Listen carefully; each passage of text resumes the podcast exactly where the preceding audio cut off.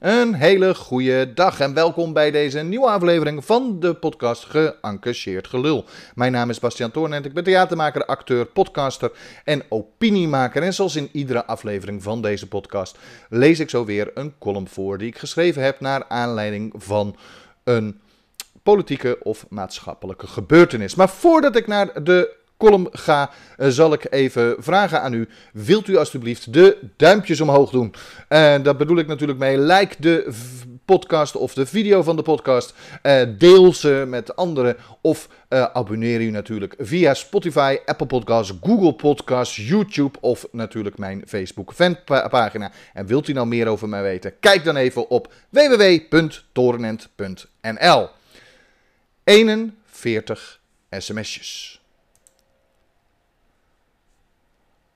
Als ik het vertrouwen niet heb, dan hoor ik dat van de Kamer en ga ik iets anders doen. Een sterk verongelijkte premier stond de afgelopen donderdag zich te verantwoorden voor de Tweede Kamer. Te verantwoorden omdat hij aan real-time archivering deed op zijn Nokia-telefoon.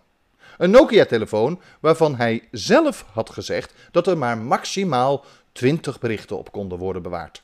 20 berichten die dus dagelijks door hem werden gearchiveerd, doorgebeld of gewist. Maar het wissen van communicatie door een bewindspersoon is tegen de archiefwet. Een archiefwet die Mark Rutte volgens eigen zeggen niet heeft overtreden, dus de Kamer maakt een hoop bombarie om niets. Maar dat niets is toch iets.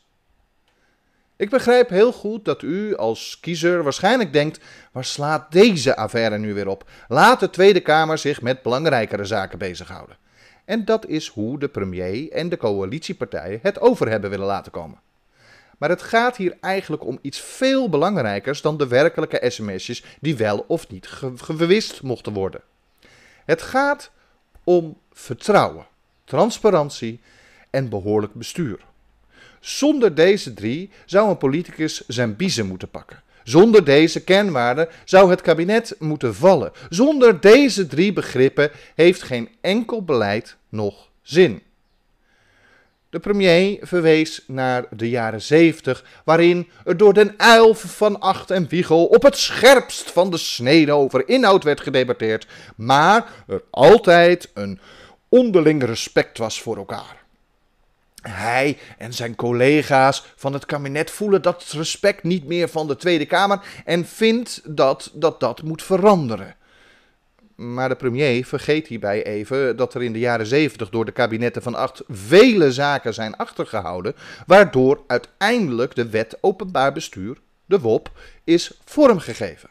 Hij heeft het als historicus duidelijk niet in zijn actieve herinnering dat Van Acht samen met Wiegel respectloos omging met de verkiezingsoverwinning van Den Uyl door achter de PvdA's rug om een kabinet te vormen. En hij vergeet even zijn eigen twaalf jaar regeren waarin de term de Rutte-doctrine als onvermijdelijk feit is vastkomen te staan. Respect moet je verdienen en vertrouwen komt te voet en gaat te paard. Vroeger was het normaal dat als een minister de Tweede Kamer verkeerd of onvolledig had geïnformeerd, hij of zij aftrad omdat het vertrouwen was gebroken. Maar niet bij Rutte. Vroeger was het een doodzonde als een minister betrapt werd op een leugen. Maar niet bij Rutte. Vroeger werd een motie van wantrouwen door de hele Kamer ondersteund als bleek dat de minister de wet had overtreden. Maar niet bij Rutte. En vroeger traden kabinetten af en verdwenen verantwoordelijke politici uit de politiek als uit rapporten bleek dat burgers ernstig de dupe waren geweest van overheidsbeleid. Maar ook dat gebeurt niet bij Rutte. Voor een ieder die nog steeds denkt dat dit na dit betoog dat de affaire rondom de sms'jes een hoop ophef is om niets, zal ik even de feiten op een rijtje zetten. De premier zei dat er maar maximaal 20 berichten bewaard konden worden op de Nokia.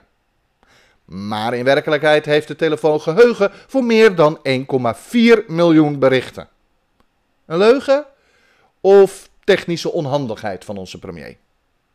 De premier zegt dat hij zich aan de richtlijnen heeft gehouden, dus de wet niet heeft overtreden.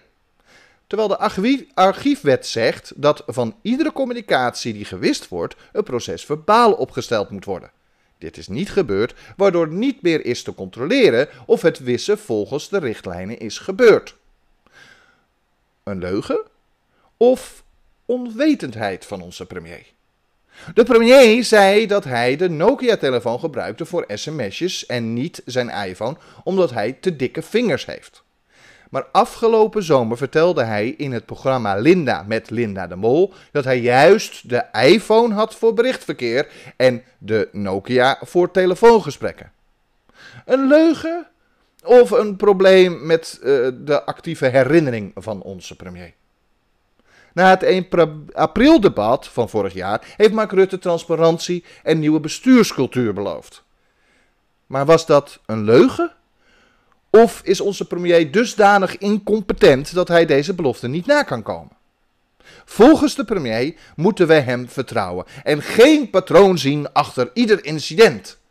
Maar na volledig zwartgelakte documenten, achtergehouden informatie, vernietiging van communicatie en vele, vele uitgekomen leugens is het wel heel ongeloofwaardig dat er geen sprake is van een Rutte-doctrine. De overtuiging dat Rutte het beste met ons voor heeft en niets achterhoudt, moet zelfs voor de meest diehard VVD'er moeilijk vol te houden zijn. En wie nu nog niet overtuigd is, zeg ik 41 sms'jes. Mark Rutte heeft in het afgelopen half jaar, vol in de laatste lockdown van de coronacrisis en het beginnen van de oorlog in Oekraïne, maar 41 sms'jes gearchiveerd. En dat is geen leugen. Onze premier worstelt al jaren met zijn geloofwaardigheid, maar lijkt hem nu toch echt kwijt te zijn.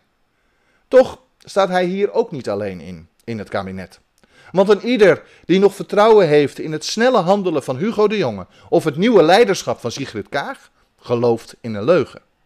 Of is dat nu juist de nieuwe bestuurscultuur?